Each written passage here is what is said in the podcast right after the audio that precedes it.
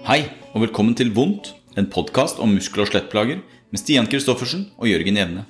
Dette er podkasten der vi vil samle alle faggrupper og profesjoner som jobber med det som årlig i Norge plager flest og koster mest, nemlig muskel- og skjelettplager. Driften av podkasten Vondt hadde vært umulig uten gode samarbeidspartnere. Vi vil derfor rette en oppmerksomhet mot våre to sponsorer. Adcare har siden oppstarten i 2004 etablert seg som en kvalitetsleverandør av medisinsk utstyr innen urologi og ultralyd, og er spesialister på diagnostisk ultralyd. For mer informasjon se adcare.no.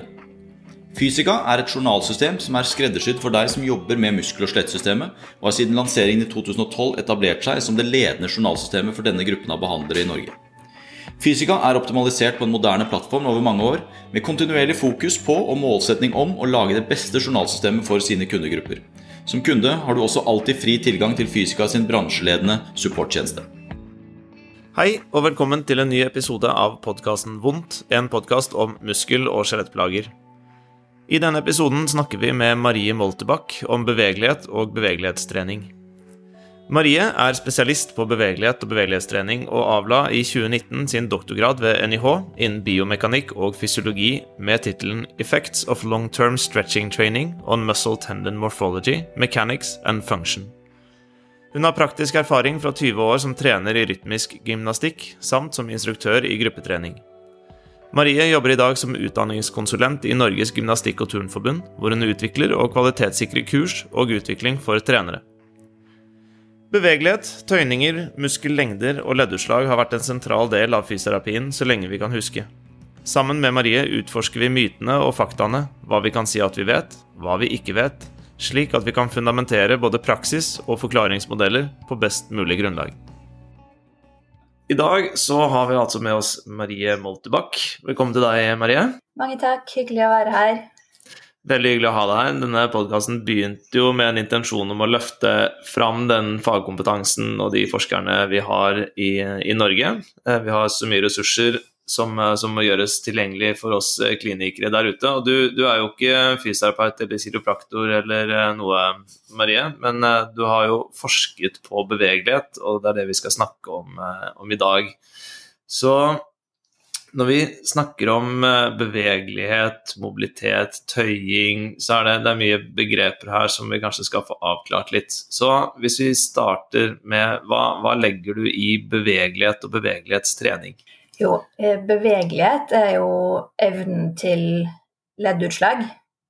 Og ofte når vi skal se på en person sitt leddutslag eller sin bevegelighet, så er vi opptatt av det største leddutslaget som man kan produsere F.eks. Eh, hvor mye skulderfleksjon kan man klare, hvilken vinkel kan man maksimalt gå til. Og den bevegeligheten er jo litt ulik om den skal gjøres aktivt eller passivt, eh, om den skal gjøres statisk eller dynamisk osv. Det er mulig vi skal komme litt tilbake til det etter hvert. Men mm. bevegelighetstrening blir jo da eh, et systematisk arbeid over tid med sikte på å øke, eventuelt vedlikeholde den bevegeligheten. Hvilke faktorer er det som eh, begrenser eller på sett vis bestemmer bevegeligheten i et ledd? Jo, det er massevis av faktorer, egentlig, og vi kan jo begynne å grovsortere dem litt først. Eh, vi kan komme litt tilbake til det som gjelder muskel-senesystemet i leddet. Eh, for det er det vi skal jobbe mest med i dag, tenker jeg. Men det er også faktorer knytta til konstruksjonen av leddet. Altså eh, hvor er det knokkelfremspring og sånn som, som, stopper bevegelsen. Eh, eh, ting som alder og kjønn og sykdomstilstander og sånn vil være med på å bestemme bevegelighet.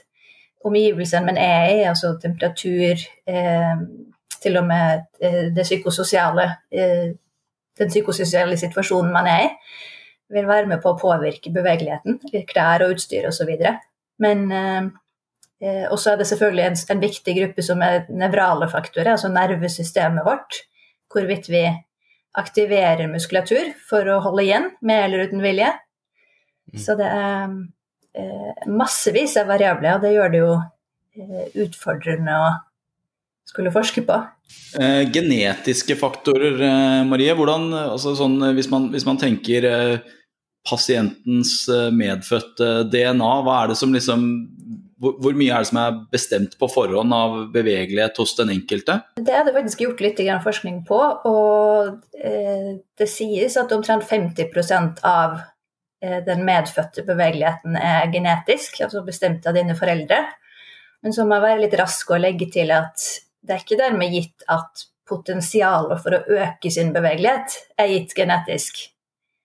Og det er også veldig store forskjeller fra ledd til ledd, så det er ikke sånn at de fleste av oss i hvert fall har ikke generelt god bevegelighet i hele kroppen. Vi kan ha god bevegelighet i rundt hofteleddet, bakside, og så kan vi ha dårlig bevegelighet på forside. Elendig skulder og kjempestor bevegelighet i ankel. Så, så den eh, ja, innslaget av det genetiske er nok som sagt til stede, men, men, jeg tenker at det er ikke det avgjørende for hvordan bevegelighet vi skal ha med oss gjennom livet. Nei, Det er vel litt sånn som med, med, med mye annet når det kommer til genetikk. Altså Selvfølgelig på en sånn seleksjon på internasjonalt toppnivå i spesifikke idretter, så vil jo den genetikken ha mye å si, men at påvirkningsgraden innenfor liksom en normal befolkning er jo fortsatt ganske, ganske sterk, da. Så, så, vi er vel ikke helt dødsdømt, selv om vi er eh, stive i hamstringen uh, i en alder av 38, kanskje. Vi har mulighet til å gjøre noe med det. Det er faktisk tvilsomt.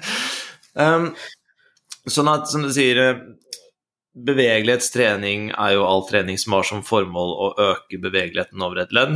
Og med tanke på alle faktorene som er med på å bestemme bevegeligheten, så er det åpenbart ganske mye vi kan gjøre for å øke bevegeligheten. Men akkurat dette med den tøyningen eller bevegelighetstreningen er jo det vi vanligvis har, har vært eh, opptatt av. Så når det gjelder bevegelighetstrening, så deler man jo ofte i aktiv og passiv og statisk og dynamisk. Kunne du tatt oss gjennom de begrepene også? Det kan jeg godt. Eh, og den begrepen bruker vi jo både om det å måle bevegelighet og det å trene bevegelighet. Eh, altså hvordan man gjennomfører øvelsene sine. Så vi kan jo ta det å måle bevegelighet først. Eh, hvis jeg skal vise det mitt, mitt eh, aktive bevegelsesutslag, så skal jeg selv utføre bevegelsen og bruke muskulaturen rundt det leddet som jeg beveger. Mens hvis, skulle, hvis vi skulle se på mitt passive bevegelsesutslag, så skulle min muskulatur være helt avslippet, og så ville da kanskje du bevege skuldra mi til en ytterstilling uten at eh, min egen muskelstyrke og koordinasjon får lov til å virke inn, da. Og så har vi da eh, det som går på eh, statisk og dynamisk. Der statisk betyr at man holder stillinga i ro. Så hvis jeg skulle måle bevegelighet, så går jeg til en ytterstilling, og så holder jeg den der. Og den vinkelen som jeg da klarer å holde, det er min eh, statiske bevegelighet. Mens dynamisk er jo da med bevegelse. Så da kunne jeg slenge armen min frem og tilbake, og så kunne vi se hvor langt klarer jeg å slenge den når jeg får lov å bruke fart og ikke behøver å holde ytterstilling. Mm. Og så tar vi jo med oss de samme konseptene inn i tøyning. ikke sant? At vi, vi kan holde en stilling i f.eks. et minutt, og da er det en statisk bevegelighetstreningsøvelse. Mens hvis vi eh, beveger leddet inn og ut med et ganske moderat til høyt tempo, så er det en dynamisk bevegelighetstreningsøvelse.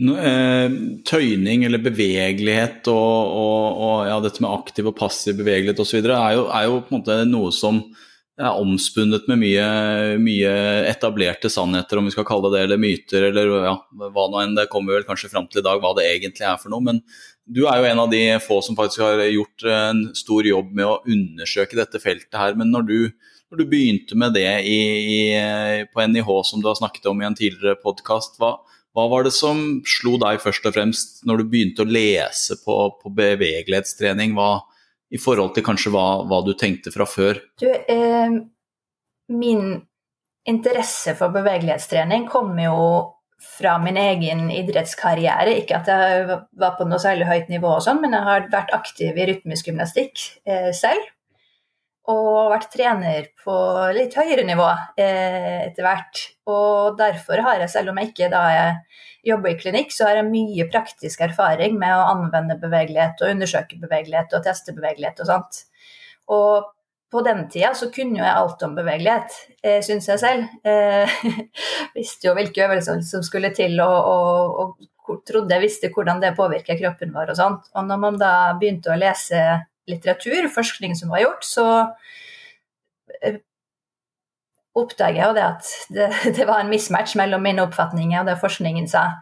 Og, og det har nok to årsaker. Eh, det ene er det at um, det ikke var gjort så mye forskning uh, på de faktorene som jeg kanskje mente hadde betydning for bevegelighet.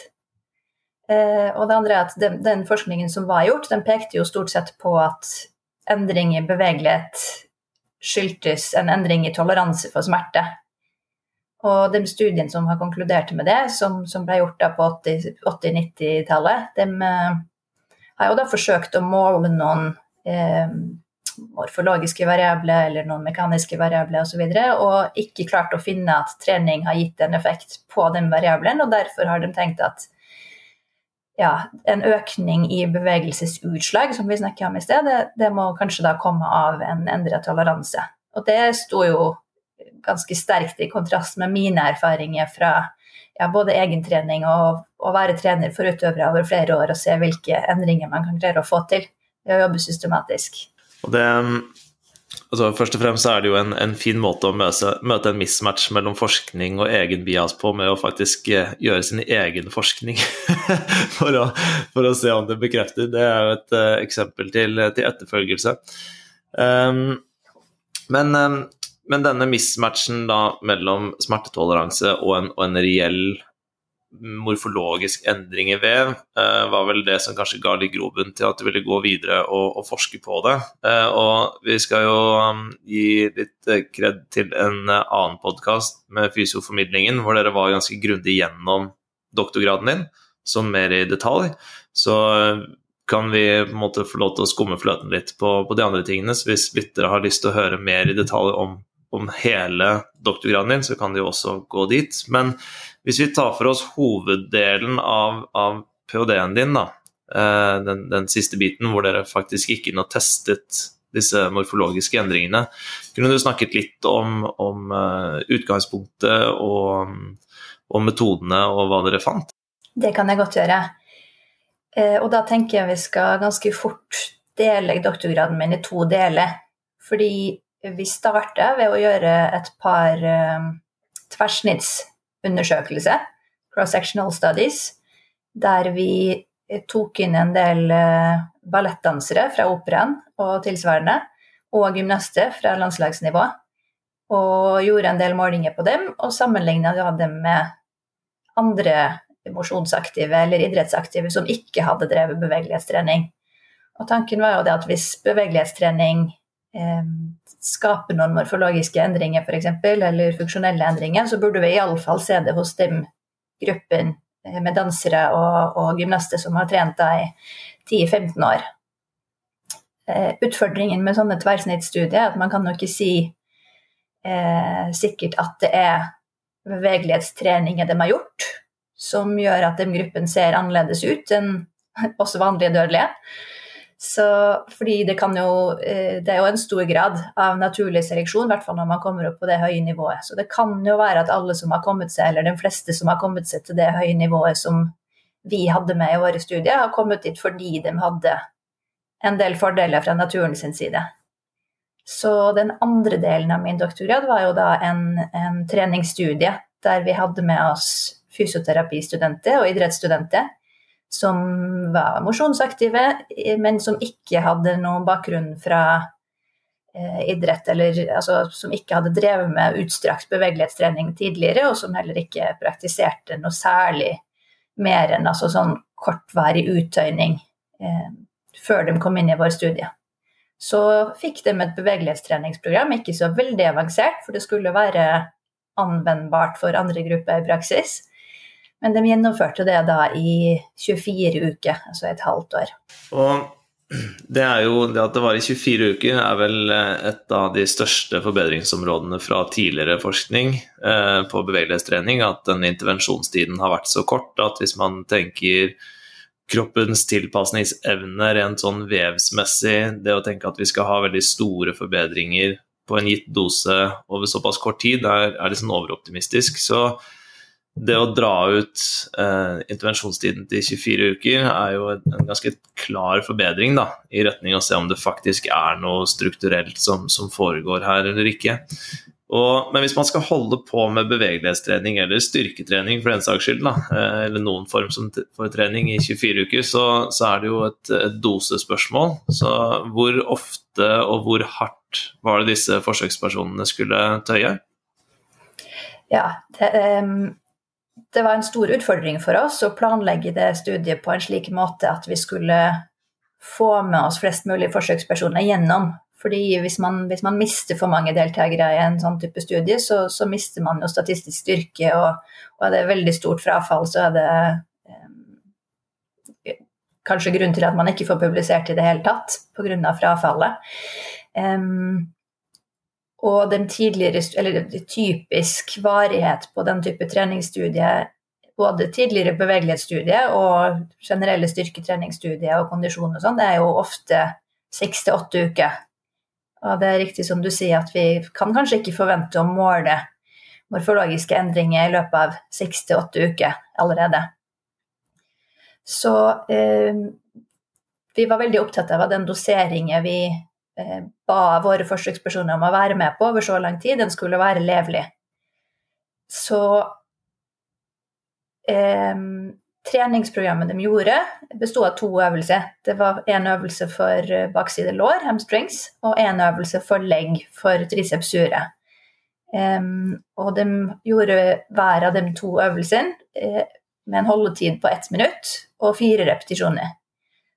Så er det vikt, et viktig poeng at vi, våre forsøkspersoner de trente bare det ene beinet. Fordi vi ønsker å bruke det motsatte beinet som kontrollbein.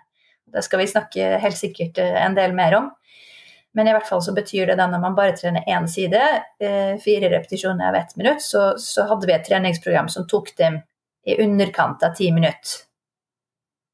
Så krevde vi ikke noe veldig omstendelig oppvarmingsprogram for det. Eh, det kan vi kanskje også snakke mer om, oppvarming før tøyning eller ikke.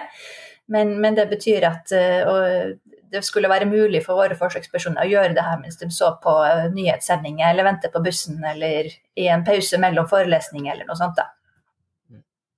Og det lyktes vi med. Vi hadde vel 31 som stilte til start, og vi avslutta med 27 eller 28.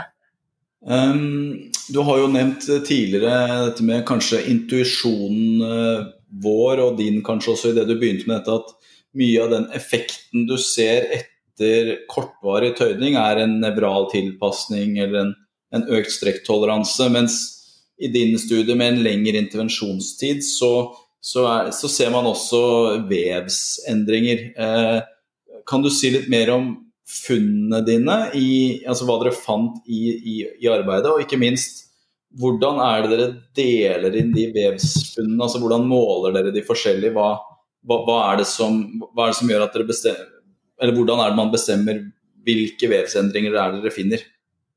Egentlig skulle jeg ønske at vi hadde enda mer moderne metode eh, enn det vi hadde tilgjengelig, sånn at vi kunne være enda mer spesifikke og se på flere variabler ved vev.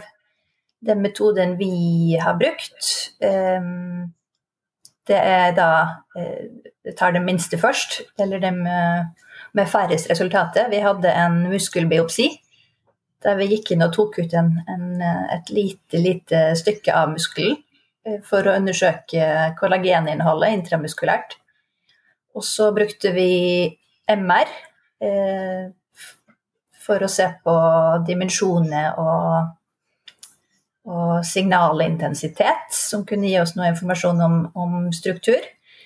Og så brukte vi veldig mye ultralyd så, og det ultralydapparatet, ved å ta video eller sette sammen bilde, så kan man jo da både måle lengde eh, på sene, lengde på muskelfibre, penetrasjonsvinkel, eh, og man kan måle hvordan disse variablene endrer seg gjennom en bevegelse. Enten det er en, eh, en passiv tøyning eller det er en muskelkontraksjon. Så, så vi har jo da forsøkt å undersøke både om om dimensjonen til muskel og sene forandrer seg, og om oppførselen til muskel og sene i en tøyning eller i en kontraksjon forandrer seg. Og av disse 28 som dere fulgte opp, eh, eller som dere fikk avsluttende tall på, hva, hva var på en måte gro, i grove trekk, hva var funnene deres? Jo, eh, først og fremst så økte de jo bevegelsesutslaget sitt. Eh, det som er litt interessant og litt uventet, og som også kompliserer eh, analysen litt, er jo at vi fikk noen effekter også i den utrente sida. Og det, det, er viktig å merke seg. Da, altså, da vi startet studien, så, så tenkte vi at det, det, ene beinet skulle trene og få en effekt av trening, og det andre beinet skulle fungere som en kontroll. Og det har jo mye å gjøre med at eh, det skjer mye på 24 uker. Eh, både med tanke på treningstilstand, eh, hvilken sesong, hvilke sko man går i, eh, om man legger på seg, eller hva som skjer med, med kroppen generelt. Som vi ønsker å korrigere for da, ved å ha et kontrollbein. Men så glemte vi nok å ta hensyn til at det med bevegelighet og bevegelighetstrening har en del sentrale faktorer så hvis vi påvirker de sentrale faktorene som kommer fra eh, nervesystemet, så, og kanskje flere ting, så vil det også påvirke kontrollbeinet. Så eh, bevegeligheten økte absolutt mest i det beinet som trente, men den økte også litt i det utrente beinet.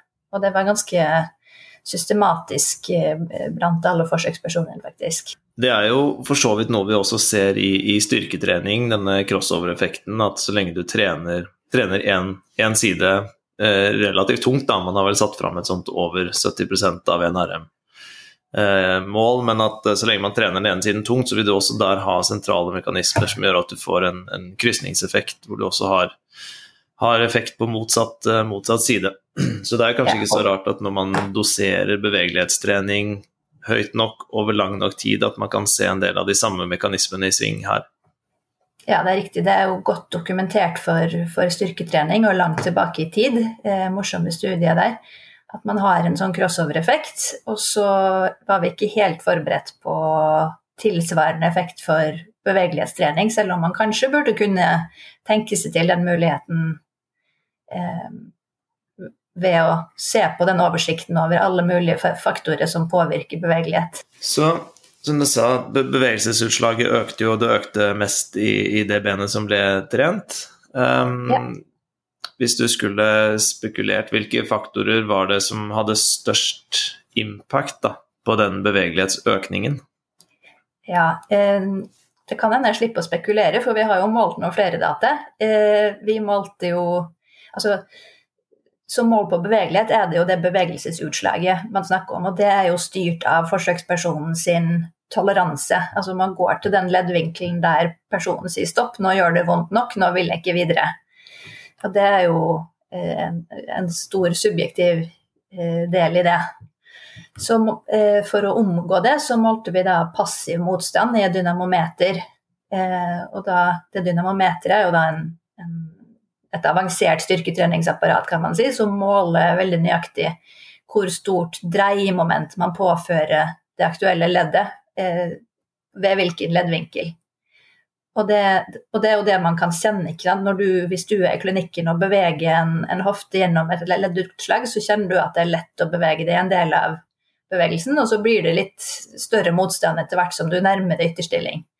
Tyngre å komme videre. Eh, og det er jo et tegn på at man begynner å nærme seg ytterstilling, og at mer og mer vev blir satt på strekk. Og den passive motstanden, den eh, gikk ned. Eh, den gikk også ned i begge bein, eh, faktisk, men mer i det beinet som trente. Vil det, vil det kunne forklares med at, at toleransen øker som, basert på sentrale mekanismer, som at du slapper mer av i, i den tøyningen, eller?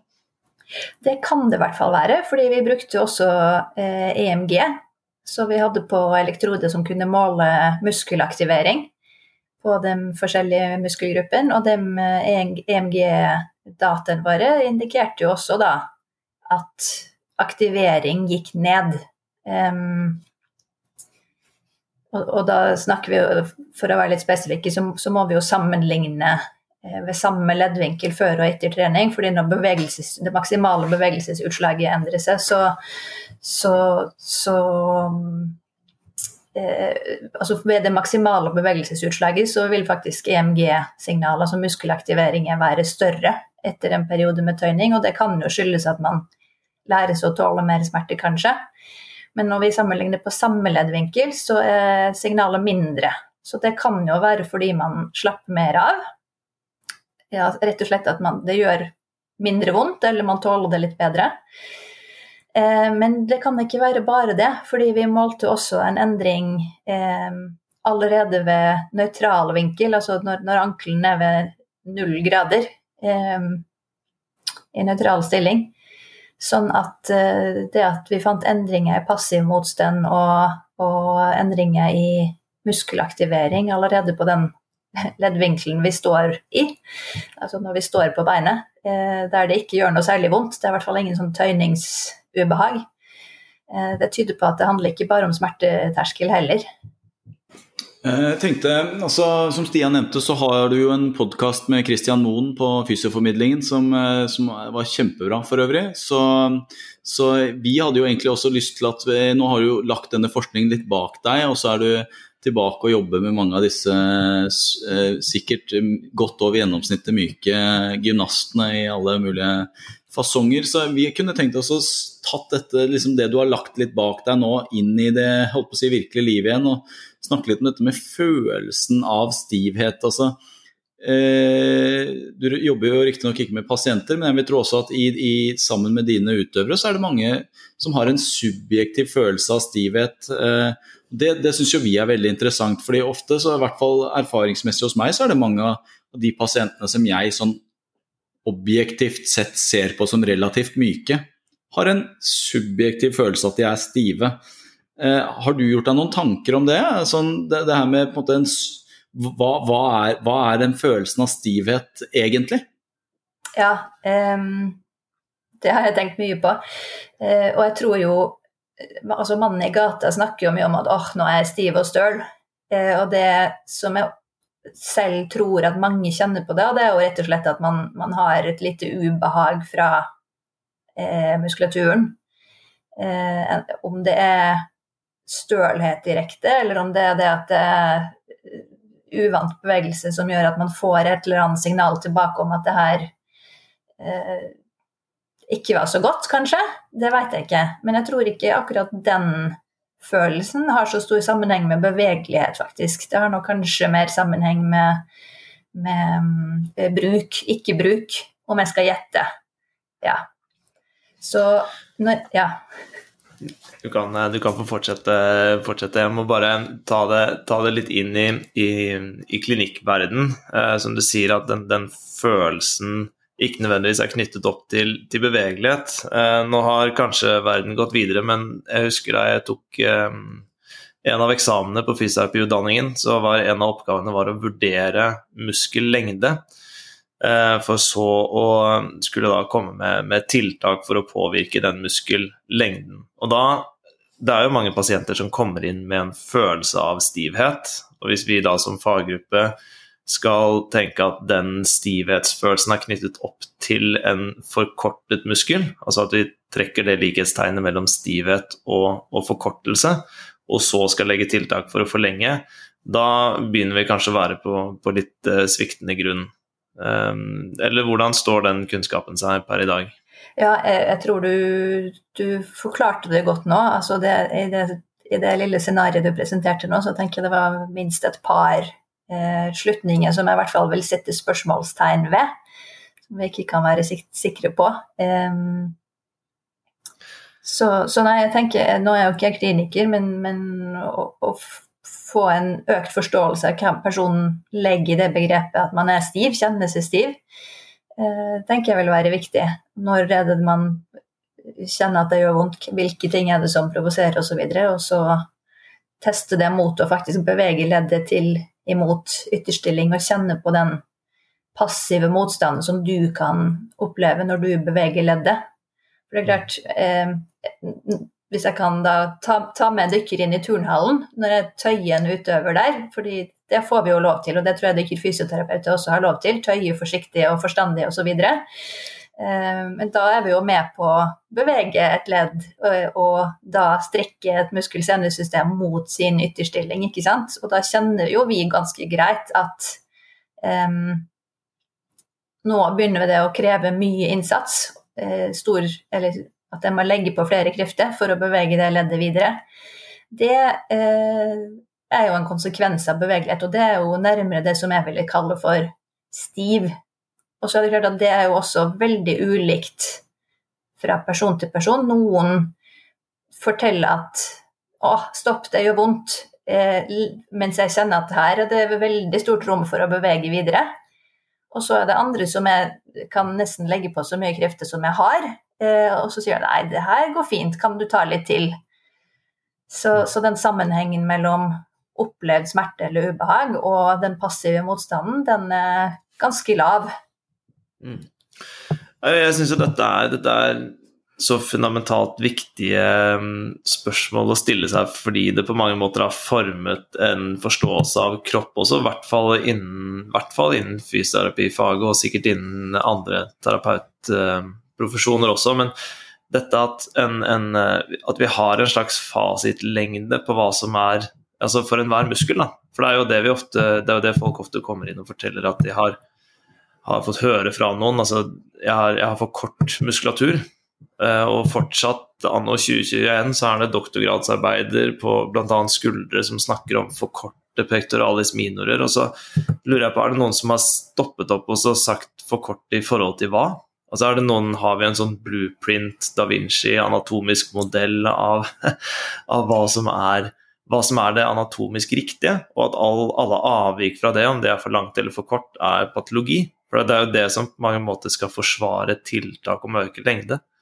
Uh, og mm. jeg regner med at du, du, svarer kategorisk nei, vi har ikke den fasiten, men har du gjort deg noen tanker rundt de, de problemstillingene her? Altså, ja, veldig mange tanker om det. Og i, altså, jeg, som, som turntrener så er det jo gjerne slik at jo større bevegelighet, jo bedre. Tenker man i hvert fall. Men eh, som forsker, og for å forstå bevegelse og teknikk, eh, så tenker jeg at vi må fokusere på optimal bevegelighet. Fordi eh, en muskulatur som er for lang, eh, gir jo en sånn slakk som gjør at det kan bli vanskelig å kontrollere bevegelse og risiko for skade osv. Så videre. sånn at jeg tenker at hvor stor bevegelighet du skal ha i hvilket som helst ledd i hvilken som helst retning, kommer jo mye an på hva du skal bruke det til. Det er stor forskjell på hva en, en senior trenger for å legge hatten sin på hylla og, og, ta på seg sine egne sko, versus det en spydkaster eller en høydehopper må ha, ikke sant? Eh, jeg har et spørsmål eh, om, om det der, og det, du, du, jeg tror kanskje nesten du svarte på det uten at jeg stilte det. Men, eh, men nå, skal jeg, nå, skal jeg, legge litt hodet litt på blokka, så skal du, nå skal du arrestere meg hvis du er uenig.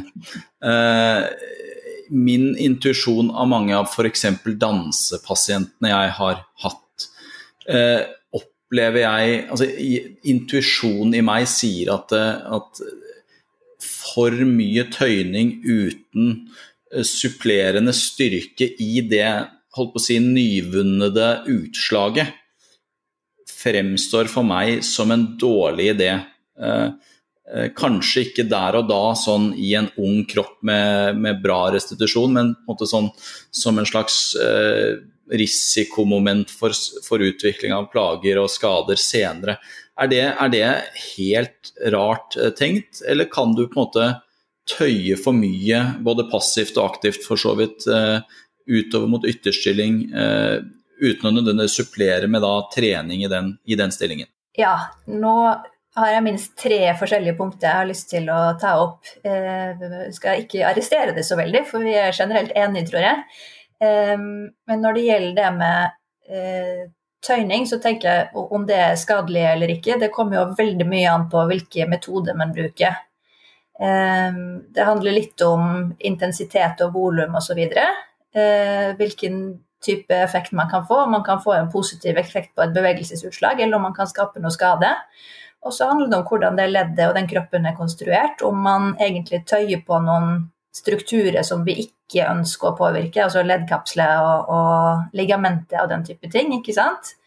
Og der eh, kreves det nok en del kunnskap for å forstå hvor man skal kjenne det, og hvilke bevegelser, hvilke tøyninger, hvilke stillinger er det som er eh, akseptable for hver enkelt spesifikke kropp, eh, og ikke. Um, og det tredje punktet som jeg ville inn på, det, det er jo det her med, med statisk passiv tøyning versus eh, dynamisk. Fordi det er helt riktig som du sier, at altså, hvis du skal være slangemenneske på et sirkus, så kan du kanskje klare det med, med passiv bevegelighet eh, og vrenge kroppen i noen stillinger uten altfor mye styrke. Eh, det krever sikkert veldig mye eh, styrke for det også, forresten. Men i hvert fall dansere og gymnaster skal jo bruke den bevegeligheten man opparbeider seg aktivt og dynamisk. Så det vil si at altså bevegelighetstreningsfeltet har jo endra retning veldig mye i løpet av la oss si, siste 10-15 år, kanskje. Fra fokus på statiske tøyninger og lang holdetid, og, og mer over i dynamiske øvelser der man nettopp er nødt til å ta i bruk både muskulatur rundt leddet og få på nervesystemet til å koordinere aktivering på riktig vis osv. Så, videre. så så min erfaring fra, fra, gymnastikk og turn og dans er i hvert fall at man gjør mindre og mindre av den statiske tøyningen og mer og mer av det dynamiske med muskelstyrke inkludert. Det var en snill arrestering. Men, eh, men veldig bra. Er, da, da, da, havner du ganske langt inn i min, min bias der, eh, tror jeg. Sånn, eh, hvis vi da Jeg tror ikke vi skal gå inn på punkt 1, 2 og 3 i detaljer, for da, da blir vi jo sittende hele kvelden. Men, men hvis vi tar premisset med dynamisk, eh, dynamisk, tøyning, aktiv tøyning, altså prinsippene rundt det, eh, og sammenligner det opp mot mye av forskningen som, som, kikker på eksentrisk trening. Eh, det har jo vært mye innen hamstring, lyske, etter hvert også kne, altså lår, fremside lår. Altså, er det er det, er, er det den retning vi, vi, beveger oss da, tenker du? Altså, hvordan, hvordan ser du på det type en Nordic hamstring curl f.eks. som en slags kontrollert forlengelse hamstring for, en, for, for dine utøvere, er det, er det, eh, riktig vei å gå, eller kommer du ikke langt nok ut i utslaget for at du syns at det er, er, den riktige veien å bevege seg? Du, det er et veldig spennende fagfelt, det her med eh, i hvilken grad eksentrisk styrketrening også er godt nok for å øke bevegelighet. Um, der trengs det nok mer forskning før vi kan være sikre på um, akkurat hva vi kan oppnå og ikke oppnå, og hvordan man kan eventuelt kan kombinere det med annen type bevegelighetstrening. Fordi i hvert fall for underkroppen så har det vært en del studier nå. Eh, ikke helt samtlige, men, men eh, flertallet i hvert fall har vist at ved å trene eksentrisk styrketrening, vel å merke da til nær ytterstilling, så får man også et økt bevegelsesutslag. Men så vidt jeg vet, så er det ikke Eller jeg kjenner i hvert fall ikke til studiet som sammenligner den type trening med et lignende volum med eh, best practice bevegelighetstrening.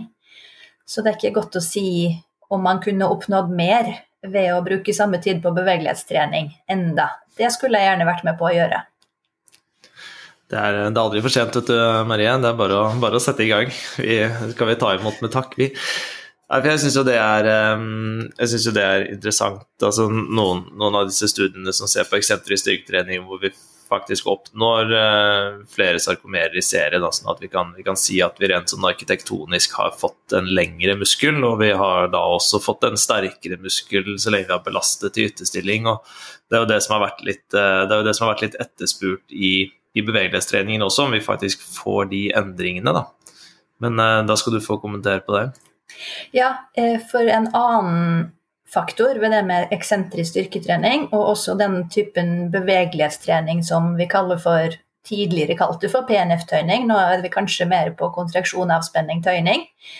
Det som er eh, min hypotese rundt eh, den formen, er jo det at når muskulaturen kontrahere, eh, samtidig som leddet er ikke akkurat i en ytterstilling, men, men heller ikke maksimalflektert, så flytter jo det tøyningen i stor grad over på scenen. Mens når man gjør en passiv tøyning og muskulaturen får lov til å slappe av, så kan man jo kanskje se for seg at det er i større grad er muskulatur, altså, og da mener jeg ikke selve muskelfiberen, men alt det bindevevet som ligger i og rundt muskelen, at det er det vevet som, som tar seg av den nødvendige lengdeendringen. Mens ved en kontraksjon så tvinger man eh, forlengelsen over på senevevet. Så jeg kan godt se for meg at den type, type enten eksentrisk styrketrening eller kontraksjon, avspenning, tøyning-metoden eh, har en større effekt på Eh, på sene enn det kanskje har på eh, muskelbindevev. Ønsker vi, ønsker vi lengre scener? Jeg veit ikke helt. Det er ikke sikkert at eh, vi ønsker lengre scene, men man kan se for seg at en scene har den samme lengden, men at den tillater en større forlengelse, altså at den blir mer elastisk. Da trenger den å, endre eh, komposisjonen sin, eller å endre lengden sin. Eh, fra din stol, Marie, du sier jo mange studier har jo vist nå at eksentrisk trening mot ytterstilling eh, gir et bedret bevegelsesutslag. Og, og, du skulle ønske at du kunne ta en doktorgrad til for å undersøke det opp mot best practice tøyning. Eh, men, men hva, hvis, hvis, jeg sier at det, da fremstår jo på en måte eksentrisk litt sånn for meg, da, som det beste fra to verdener. med at du du får både styrke og, og en økt bevegelighet. Hva, hva, tenker du sånn, Du sitter jo kanskje i en annen stol med disse utøverne. Hva, hva tenker du mer du ønsker å oppnå enn en det? Eh, mer enn styrke og økt bevegelighet? Ja. Eh, spørsmålet er jo om den økningen man får i bevegelighet, er optimal, gitt altså den tida man har investert i det, eller om man i tillegg trenger å gjøre f.eks statisk tøyning eller dynamisk tøyning for å, for å um, påvirke strikkbarheten, da, eller muligheten til å forlenge seg enda videre enn dit man går. For jeg ser for meg at når man gjør eksentriske øvelser, så, så har man ikke veldig mye tid helt i ytterstilling. Og i hvert fall sånn klassisk så tenker man det at mengden tid man tilbringer i ytterstilling, er jo det som er med Eller i hvert fall en veldig viktig variabel i forhold til å Eller når det gjelder å kunne oppnå økning i bevegelighet, da. Og det, det, tenkte jeg at eh, jeg skulle spørre deg litt ut om også, for det er jo dette her med både tid og altså tid i ytterstilling og intensiteten i tøyningen. Er det, er det, sånn at du må være veldig lenge der ute på veldig høye krefter? Og det er klart, høye krefter i utestilling gjør jo fryktelig vondt, da. Så sånn, hva, hva er dine erfaringer her? Mm. Du eh, har noe bedre enn erfaringer. Der finnes det faktisk også en del forskning som kan gi oss litt klarere svar. Fordi eh, ikke veldig mye, vi skulle gjerne hatt mer forskning på det òg, men det, det, er gjort noen studier som har sammenlignet tøying ved høy intensitet eh, mot tøyning med lavere intensitet. Og det er faktisk vist til og med en gruppe med, med dansere som er altså erfarne med bevegelighetstrening og som tåler en del smerte og, og, og den type ting, at, at, tøyning ved litt lavere intensitet kan gi bedre resultat enn tøyning ved veldig høy intensitet. Så når jeg gir råd og veiledning i bevegelighetstrening nå, så, så er jeg veldig opptatt av at det skal være litt ubehagelig, men det skal ikke være direkte smertefullt. Hvis man tar intensiteten så langt at kroppen ikke lenger klarer å slappe av, så jobber man kanskje litt mot sin hensikt. Og vi ønsker at muskulaturen skal være avspent, sånn at den kan forlenge seg eh, mest mulig når vi, vi, gjør en tøyning. Og det gjør den ikke når det gjør vondt. Du, du snakker jo flere ganger her nå om eh, det vi, eller du da, eh, med dine utøvere prøver å oppnå, er en optimal bevegelighet. Eh, hva, hva, hva, legger du i det, og hvordan holdt på å si, kontrollerer vi det? Optimal, altså, hva, hva, er den optimale bevegeligheten for, for den enkelte? Ja, det er vanskelig å definere og måle, så det blir jo et litt sånn teoretisk konsept, stort sett. Selvfølgelig, hvis man er turner eller danser, så ønsker man kanskje å kunne gjøre en, en 180 grader spagat, enten man er sittende på gulvet eller man kanskje skal gjøre det dynamisk i et sprang i et svev. ikke sant? Så, det, så der er det godt definert hva vi ønsker å oppnå og har behov for. Men for eh, en pasient er det vanskeligere å vite hva som er optimal bevegelighet for å fungere bra i dagliglivet, eh, få gjort sine hverdagslige oppgaver uten å, uten å ja, både pådra seg vondt eller måtte begrense seg. Og så må jeg skynde meg å si at jeg tenker jo at de fleste av oss eh, har planer om å bli eldre. Og bevegeligheten den går jo ned eh, med alderen hos samtlige, med mindre man jobber godt med den. Så det er jo greit for oss å ha litt i reserve, sånn at vi kan kanskje ha mulighet til å fortsette med med aktiviteten vi er glad i i dag, selv om vi blir både 10 og 20 år eldre. Ja, der ble jeg, det, ble jeg enormt uh, glad for å høre. For det er, det er, på en måte mange av de altså Nærmest ordrett sånn som jeg formidler meg eller forteller til pasientene, at det er, det er, der, det er der, vi skal legge oss for at det skal være en helse, helsebringende effekt på sikt. Uh, uh, men, men, det er også kanskje derfor jeg har en såpass sterk bias mot nettopp dette med eksentrisk styrketrening mot ytterstilling. fordi for meg så så føler jeg at jeg da egentlig gjør to veldig nyttige ting på en gang. Da. Men så er det som jeg sier også at det er jo, det er jo få ting jeg har like sterke meninger om uten noe som helst vitenskapelig backing. Så jeg er veldig glad for at jeg har deg her, så jeg kan bare faktisk spørre om dette er bare tull og fanteri. Uh, så, men, men, jeg, men, men, det er litt derfor jeg spør, for jeg tenker også at um, hvis, man, hvis, man, har ballettdansere eller rytmisk sportsgymnastikk som på en måte en sånn polarisert del av bevegelighetsdiskusjonen, uh, så havner vi ikke inn i en ganske fin sånn sweet spot her i midten nå med, med eksentrisk bevegelighetstrening eller eksentrisk styrketrening mot ytterstilling som en slags uh, som et slags kompromiss, da, hvor, vi, hvor, vi, gjør mye fornuftig for, eh, for både, både, styrke og funksjon? Ja, du kan godt si at uh, det er veldig godt mulig at en altså mann i gata eller en mosjonsaktiv eller uh, gjennomsnittlig person som ikke skal drive med noen spesiell idrett, har for mye valuta for pengen ved å drive med det.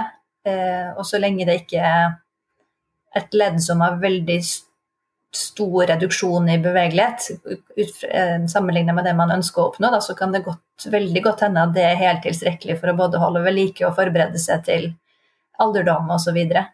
Men sånn, sånn, fra et forskerståsted så skulle vi gjerne eh, visst enda litt mer om, eh, om, om det er tilsvarende effekt for samme tid investert, eller om det er halvparten så stor effekt, og om det kanskje er godt nok for mange. ikke sant? Eller om det bare er 10% effekt for samme investert tid, eh, sammenlignet med bevegelighetstrening. Så, så, forskerhodet vil gjerne ha flere svar. Mhm. Men, eh, men eh, for en enkeltperson der ute så tenker jeg at det er i hvert fall veldig mye bedre enn ingenting. Ja, det er bra. Det, jeg syns jo dette, dette er jo Det blir jo mer og mer praktisk anvendbart materiale, da, sånn sett, og bedre forståelse av bevegelighetstrening. Og det tar også litt over på på det her. Hvis vi ser bort fra optimal prestasjon da, og de ekstreme gruppene som har noen sånne åpenbare krav til veldig stor grad av bevegelighet, så kan vi også stille spørsmålet hvem er det som bør prioritere bevegelighetstrening? Nå har du jo sagt litt om det fra et sånn rent helseperspektiv, eh, så vi kan jo ta begge deler. Da. Altså, hvilke helsegevinster ligger det i å enten bedre eller opprettholde bevegeligheten, som på den ene siden, og på den andre siden er det noe, noe risikomitigerende effekt i idrett eller dagliglivet av å drive bevegelighetstrening?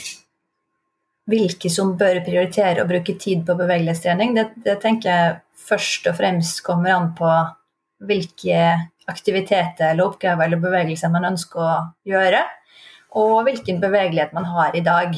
Eh, gjøre en sammenligning av, av kravet i det man ønsker å drive med, og den kapasiteten man har.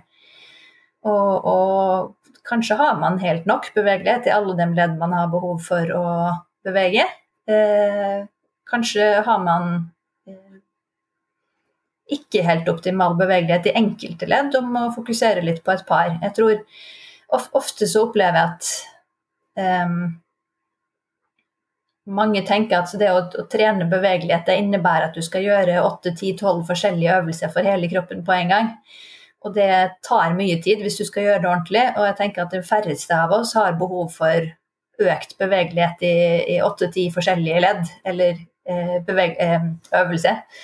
Så, så, å være litt spesifikk, finne ut hvor man eventuelt har behov for å investere litt tid, det, det vil være nyttig. Og heller bruke mer tid på dem, la oss kalle det problem, problemområdet, eh, og ikke så mye tid på de områdene som allerede har god bevegelighet. Men, men det, det, er jo, det, er jo, interessant å snakke om det her med helse, fordi at jeg tenker eh, Folk flest bør jo drive med både litt kondisjonstrening og litt styrketrening. Det vet vi jo er med på å redde liv. Um, og, det, og, og, jeg må få lov å si at det å generelt bruke kroppen sin vil også være positivt for en bevegelighet, eh, kontra det å bare sitte stille i en god stol. Ehm, så, så, slik sett så kom jo ehm, bevegelighetstrening litt ned på prioriteringslista for de fleste. Eh, sånn må det være. Men så er det jo det her med ønsker vi, Er det viktigst for oss å overleve, eller er det viktigst for oss å ha en god livskvalitet i tillegg? Og da kan jo bevegelighet spille inn. Det er jo gjort forskning som viser at en, del eldre opplever redusert livskvalitet fordi de ikke har nok bevegelighet til å kunne f.eks. jobbe i hagen sin mer, eller eh, leke med barnebarn, eller den type ting. Så av, av, slike grunner kan det være godt å tenke at man vil opprettholde en brukbar bevegelighet i det viktigste leddet. Men det er klart at det vil ikke redde livet ditt å tøye. Um, hvis, vi, hvis, vi, bare egentlig postulerer en helt sånn uh, veldig uakademisk hypotese er en, en, en, muskel som er sterk, er den mer eller mindre tøybar? Det, går, det å, går, det an å, si det som en sånn eh, som, som, noe konsekvent, eller er, er, er, bevegelighet for spesifikt til at man kan si det? Eller, eller kort sagt, er en sterk muskel en strekkbar muskel? Um, Jeg er usikker på om man kan si at det er en sammenheng. Altså, det er i hvert fall ikke en lineær sammenheng mellom jo sterkere muskel, jo eh, mer tøybar, eller jo lengre kan den forlenges. Eh, når vi snakker om tøying, så snakker vi jo ofte om at vi skal tøye hamstrings eller gluteus, eller vi, vi er inne på muskelgruppen, ikke sant. Men det er viktig at i hvert fall vi fagfolk er klar over at det er jo ikke selve muskulaturen, altså aktin og myosin og sånt, som, som begrenser bevegelighet. For hvis man tar en, en, muskelfiber ut av kroppen og isolerer den, fjerner bindevev og sånn, så kan jo den forlenges veldig mye uten å ta skade av det eller uten å ja, ryke eller Så i hvert fall, hvert fall 50 men, men muligheten til å forlenge en muskel slik den ligger i kroppen, er jo mye mindre enn det. Så, så, det betyr at det er ikke selve muskelproteinet som er begrensende, men det er veldig sannsynlig at det er bindevevet som pakker inn muskelfibrin. Og, og bindevevet har jo nettopp som jobb å, holde sammen og holde på plass. Så um, Og så spørs det jo da om en sterk muskel har den uh, innebærer det å, å Eller har en naturlig sterk muskel uh, stivere, sterkere bindevev eller ikke, eh, eller mer bindevev, har en muskel som har trent mye styrke, for den mye stivere, eh, mer sterkere bindevev eller ikke? Det er jeg litt usikker på. Det er det kanskje noen andre som kan mer om enn meg. Ja, altså det vil jo, i hvert fall med tanke på, på tyngre styrketrening og effekten det har på på kollagentvev og senevev, så kan man jo kanskje anta at bindevevet som omgir muskulaturen også reagerer på, på, tung styrketrening, men eh, jeg har ikke noe mer å holde for å, for å mene så mye mer enn en akkurat det heller. Um, jeg Altså når man leser om, um, om, måten å redusere forekomsten av både plager og skader på, så kommer jo bevegelighetstrening og tøyning ut som sånn Nei, det skal vi, skal vi i hvert fall ikke gjøre. Man kan lese om det både i i behandlingen av senerelaterte plager og i forebyggingen av idrettsskader, så, så er det jo liksom Stretching does not add any benefit. Eh, som er selvfølgelig veldig behagelig for mange å lese, fordi da tenker man at det var én ting mindre å bruke tid på. Men eh, er, har, vi, har vi, Med tanke på at du syntes at evidensgrunnlaget var lite da du begynte på master og doktorgrad på bevegelighet, har vi egentlig en evidensgrunnlag for å si at vi ikke skal bruke bevegelighetstrening i form av å redusere risikoen for skader og plager? Du, eh, akkurat det området var jo tema for min prøveforelesning. Altså når man har eh, når man disputerer for doktorgrad, i hvert fall på NIH, så får man i tillegg til å presentere egen, egen forskning, så får man et, uh, tildelt et tema innenfor samme fagfelt, men ikke innenfor akkurat det man har forska på. Som man da skal leses opp på og holde en, et foredrag om for et publikum. Og det skal jo da godkjennes, forhåpentlig. Um, og det temaet som jeg fikk å, å, snakke om i min prøveforelesning, det var jo da um, effekt av, eller sammenheng mellom bevegelighet og bevegelighetstrening opp mot eh, prestasjon og skade. Ja. Så det var jo eh, et veldig bredt tema, men veldig interessant å se på. Og eh, jeg skal snakke nå bare om den delen som har om bevegelighetstrening og skaderisiko. Fordi der er det gjort noen større oversiktsstudier, og noen av dem konkluderer med at eh, vi ikke Og noen av dem er enige med meg om at vi ikke har nok grunnlag for å kunne si om man skal tøye eller ikke tøye for å forebygge skade. Det finnes noen store studier som andre eh, baserer seg på for å si at det å eh, tøye ikke har noen effekt på skade. Og det er noen store svakheter ved et par av de studiene. Jeg kan jo kanskje bare nevne kort. Den ene store studien var gjort på eh, type førstegangstjenestegjeng, som var ute i noen sånn type helvetesuke i to uker. Og der de hadde lagt inn bevegelighetstrening eh, underveis i de to ukene og skulle se på om det kunne eh, redusere risikoen for skade i den perioden. Og det er klart at sånt, En så stor sånn radikal endring i, i mengdeaktivitet og type aktivitet, det er jo en stor skaderisiko i seg selv. Så, og, så jeg er ikke så veldig overraska over at den tøyinga de gjorde i den perioden, ikke hadde noen innflytelse på skade. Jeg lurer på faktisk om det hadde innflytelse på den typen skade som var, gikk på muskelsene, men ikke på totalpakken av skade. Og, og, en av de andre store studiene har jo da eh, tatt for seg effekt av bevegelighetstrening på eh, en hel masse skade, men, men, ikke klart å eliminere den type skade som vi er ganske sikre på at eh, vi ikke kan forebygge. Altså ikke, det, det, det, her er ikke et eksempel fra en sånn studie, men, men, men det å, å, tøye bevegelighet systematisk vil jo ikke hindre at du krasjer i et tre i alpinløype, f.eks. Så, så det er noen svakheter ved, ved, ved en del av den studien som, som, noen av og til tar en snarvei til for å si at nei, det er ingen effekt. Så kort oppsummert, vi har ikke nok, nok forskning ennå for å for å eh, være sikre på om vi bør eller ikke bør eh, tøye for å unngå skade. Det er jo generelt veldig, veldig vanskelig å bevise en effekt av et skadeforebyggende program, fordi det skadeforebyggende programmet, eller når du skal forske på det, så må du ha en stor mengde skade eh, før du kan se en sammenheng. Og det er vanskelig å, å inkludere så mange utøvere som får så mange skader at du kan dokumentere den sammenhengen. Du nevnte jo tidligere, når vi snakket om vevsendringer i forbindelse med tøyning, at man må være litt obs på hvordan man velger å utføre tøyningen for å på en måte hva skal man si target the right, the right tissue. Og i den ånden så er det jo en del pasienter som har hofteartrose f.eks., eller skulderkapsulitt, som får beskjed om å tøye.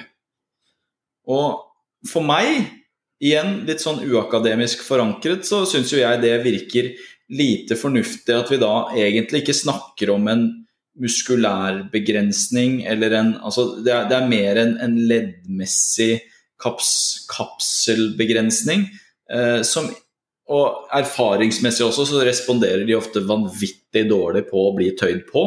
Eh, både passivt og aktivt, egentlig.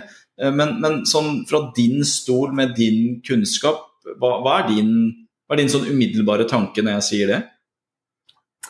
Du, jeg kan ikke nok om det med diagnosen og hva man kan gjøre med dem, og, og hvilke si, bivirkninger de har, til å uttale meg noe særlig sikkert om det.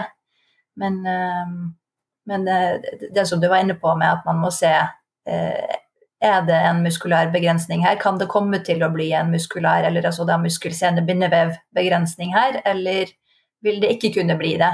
Og så må man da ut fra det bestemme om bevegelighetstrening er relevant i den pakka. Men at en, en, at bevegelighetstrening skal kunne løse en artrosesituasjon eller kapsulitt, det, det, tror jeg helt garantert ikke. Mm. Men vi kan egentlig snu det og gjøre det litt mer rettet mot det du driver med. Altså, hvilke vurderinger, eller Hvordan gjør du en vurdering rundt f.eks. en spagat, som er en som, som for meg f.eks. ville være en ekstrem bevegelse, da, men for dine så er det ganske dagligdags antageligvis. Men noen vil jo også ha en hofteskål og en, en, en hoftekule som er annerledes formet, så du, du, har en slags disposisjon for å klare dette eller ikke. Hvilke, hvilke vurderinger gjør du når du på en måte gjør en passiv tøyning f.eks. på en av disse utøverne? Mm. Ja, der, det er jo store individuelle forskjeller, som du sier. Og vi har jo litt ulike varianter av spagat også. Vi har den uh, sidespagaten der beina går ut i en, uh, en uh, abduksjon, ikke sant. Og, og, der har vi en del som ikke har en hoftekonstruksjon som tillater en full spagat, rett og slett. Og da er det ikke noe vits i å tøye noe videre på det. Men da gjelder det jo så vi, tar, vi, har jo ikke anledning til å ta røntgenbilde og MR og den type ting i, i, vår praksis, men da gjelder det å ha en god dialog på hvor, når man gjør bevegelse mot ytterstilling, hvor er det det kjennes, hvilken type smerte har man da, eh, for å vurdere om det er noe vits i å, å jobbe videre med bevegelighet i det leddet i den retningen, eller om det er en leddbegrensning som gjør at det, det er både urealistisk og øker bevegelighet og kan være direkte skadelig å, å jobbe videre med det. Mm. Og selvfølgelig kan man jo kjenne en del selv. ikke sant? Når man beveger et ledd, så, så er det en ulik opplevelse av at den motstanden øker liksom gradvis og jevnt hvis det skyldes muskel-senesystemet, mens det kan bli en sånn ganske tydelig rask økning i motstand hvis det kan skyldes leddet. Men det er jo en følelse det er vanskelig å, å, å trene seg opp til sånn teoretisk. Det må man jo bare eh, jobbe mye i praksis for å, for å, få følelse med. Og vi kan, vel, eh, vi kan vel si sånn med relativ sikkerhet at det vi i hvert fall påvirker vevsmessig i størst grad når vi tøyer eller driver bevegelighetstrening, er jo ikke ledd og leddkapsel. Det er jo, som du sier, muskel, sene, bindevevselementene. Eh, og så det, det har ofte slått meg, altså selv om ikke det er ditt fagfelt med, med, hvilke begrensninger det er på de ulike diagnosene, så har det alltid slått meg som litt merkelig at hvis man, hvis man relaterer en plage til noe som er ledd- eller kapselbetinget, at tøyning skal være, skal være førstepri, da, da, da, må man kanskje finne andre måter å, å jobbe med det på. Ja, jeg tenker Tøyning er i hvert fall et stykke unna førstepri, men så kan jeg også se for meg at det kan en sånn type skade eller, eller helseplage kan jo medføre at man beveger seg lite, og at man samtidig da pga. det får en redusert bevegelighet med tid, som man kunne ønske å motvirke ved å tvinge inn litt bevegelighetstrening. Men det vil jo mer være eh, en kur mot bivirkningen enn mot det opprinnelige problemet. Eh, hvis, eh, Marie, det, hvis vi skal Som sagt, dette har vært dette er en episode jeg har gledet meg enormt mye til. For jeg har hatt så utrolig mye spørsmål, og så har jeg ikke hatt noe å backe det opp med. Så at vi har fått lov å fyre løs nå en time med, med, med våre tanker, har vært utrolig bra og inspirerende. Så hvis vi skal begynne å avslutte her nå med oppsummere på en måte Du skal få, du skal få slippe å på en måte uttale om klinikken, for det blir, det, det, det blir liksom ikke riktig. Men hvis du skal avslutte litt med dine grunnleggende tanker og anbefalinger om bevegelsestrening, sånn for holdt på å si, kall det hvermannsen, hva, hva, ville du, hva ville du sagt eh, da? Ja, jeg er veldig glad du, du tar den vinklingen, for det er en ting jeg har sittet og kjent på at det har vi ikke snakka så mye om ennå. Eh, og det er det her med forskjell på tøyning, uttøyning, bevegelighetstrening osv. Eh, fordi jeg tenker det viktigste startstedet når man skal vurdere skal man gjøre noen tøyninger her eller, eller ikke, det er jo å forstå hva er det egentlig vi ønsker å oppnå. Er det en, en redusert bevegelighet som vi ønsker å øke, og så vil vi ha et større leddutslag, jo da må vi eh, benytte oss av bevegelighetstrening i en eller annen form. Um, er det det å spenne av etter en treningsøkt f.eks., uten at det er behov for å øke noe bevegelighetstrening, ja, da kan man godt tøye ut litt. Og så, og så ser det ganske ulikt ut, måten man legger opp bevegelighetstrening for å øke leddutslag, kontra det å f.eks. tøye ut generelt for hele kroppen, sånn kort, kort holdetid, én eh, repetisjon og sånn. Så, så som sagt Først må man ha en plan om hva man ønsker å oppnå. Eh, gjerne ta utgangspunkt i hvilke øvelser eller bevegelser er det man trenger å gjøre, kontra hvilken bevegelighet er det man har i dag. Så må man jobbe målrettet mot det. Det er, um, tenker jeg at det er et, et greit utgangspunkt for, å, for, å, runde av dette. Jeg tror uh, både Jørgen og jeg sikkert har flere spørsmål som vi kunne drillet løs med i et, uh, et, par timer til, men da får vi heller invitere deg tilbake på, på podkasten ved en senere anledning. For meg så har jo mye av det jeg tar med meg både etter å ha lest forskningen din og snakket med deg på podkasten, er jo først og fremst at bevegelighetstrening øker bevegelsesutslaget ikke bare pga. en økt økt smertetoleranse, men at det er andre mekanismer i sving som vi gjerne må forske mer på for å forstå. Og det gir jo et større eh, Altså det forsvarer jo i større grad hvorfor vi skal legge mer tyngde på bevegelighetstrening så lenge målet er å øke det bevegelsesutslaget. At det handler ikke bare om å fifle med, med nervesystemet, det er et par andre mekanismer i sving her også. Eh, det at bevegeligheten begrenses av mange faktorer som er veldig individuelle, gjør jo også at vi skal vokte oss ganske mye for å definere noe som for kort eller for langt eller patologisk med tanke på de undersøkelsene vi gjør. Men at så lenge vi har funnet ut at arbeidskravet til bevegelighet er sånn og sånn, så må vi også trene ganske systematisk for å øke det utslaget på akkurat samme måte som vi gjør med, med annen type trening. Er det en, en måtelig god oppsummering? Det er en veldig god oppsummering, syns jeg. Og så kan jeg kanskje legge til at det med å eh, opparbeide seg bedre bevegelighet er jo en, en langtidsprosess, og man kan ikke holde på Selvfølgelig, rett etter at du har tøyd, så har du stort bevegelsesutslag, men det går jo bort igjen i løpet av en time eller noe sånt. Så for å oppnå en endring over tid, så må man jo holde på eh, i mange uker. Og man må jo holde det ved like, for bevegelighet er jo litt som en ferskvare. Altså den, du har den så lenge du bruker den, og så går den sakte tilbake til eh, normalen igjen, eller til tidligere utgangspunkt hvis du ikke bruker den. Så man må være litt tålmodig hvis man skal øke bevegeligheten sin over tid. Og det er ikke så lett i dagens samfunn. Men eh, da tenker jeg at vi lar det være de avsluttende ordene for i dag, Marie. Tusen, tusen takk for at du eh, ville bruke tiden din med oss. Og så håper jeg at vi ses og høres igjen ved en senere anledning. Bare hyggelig. Takk for nå.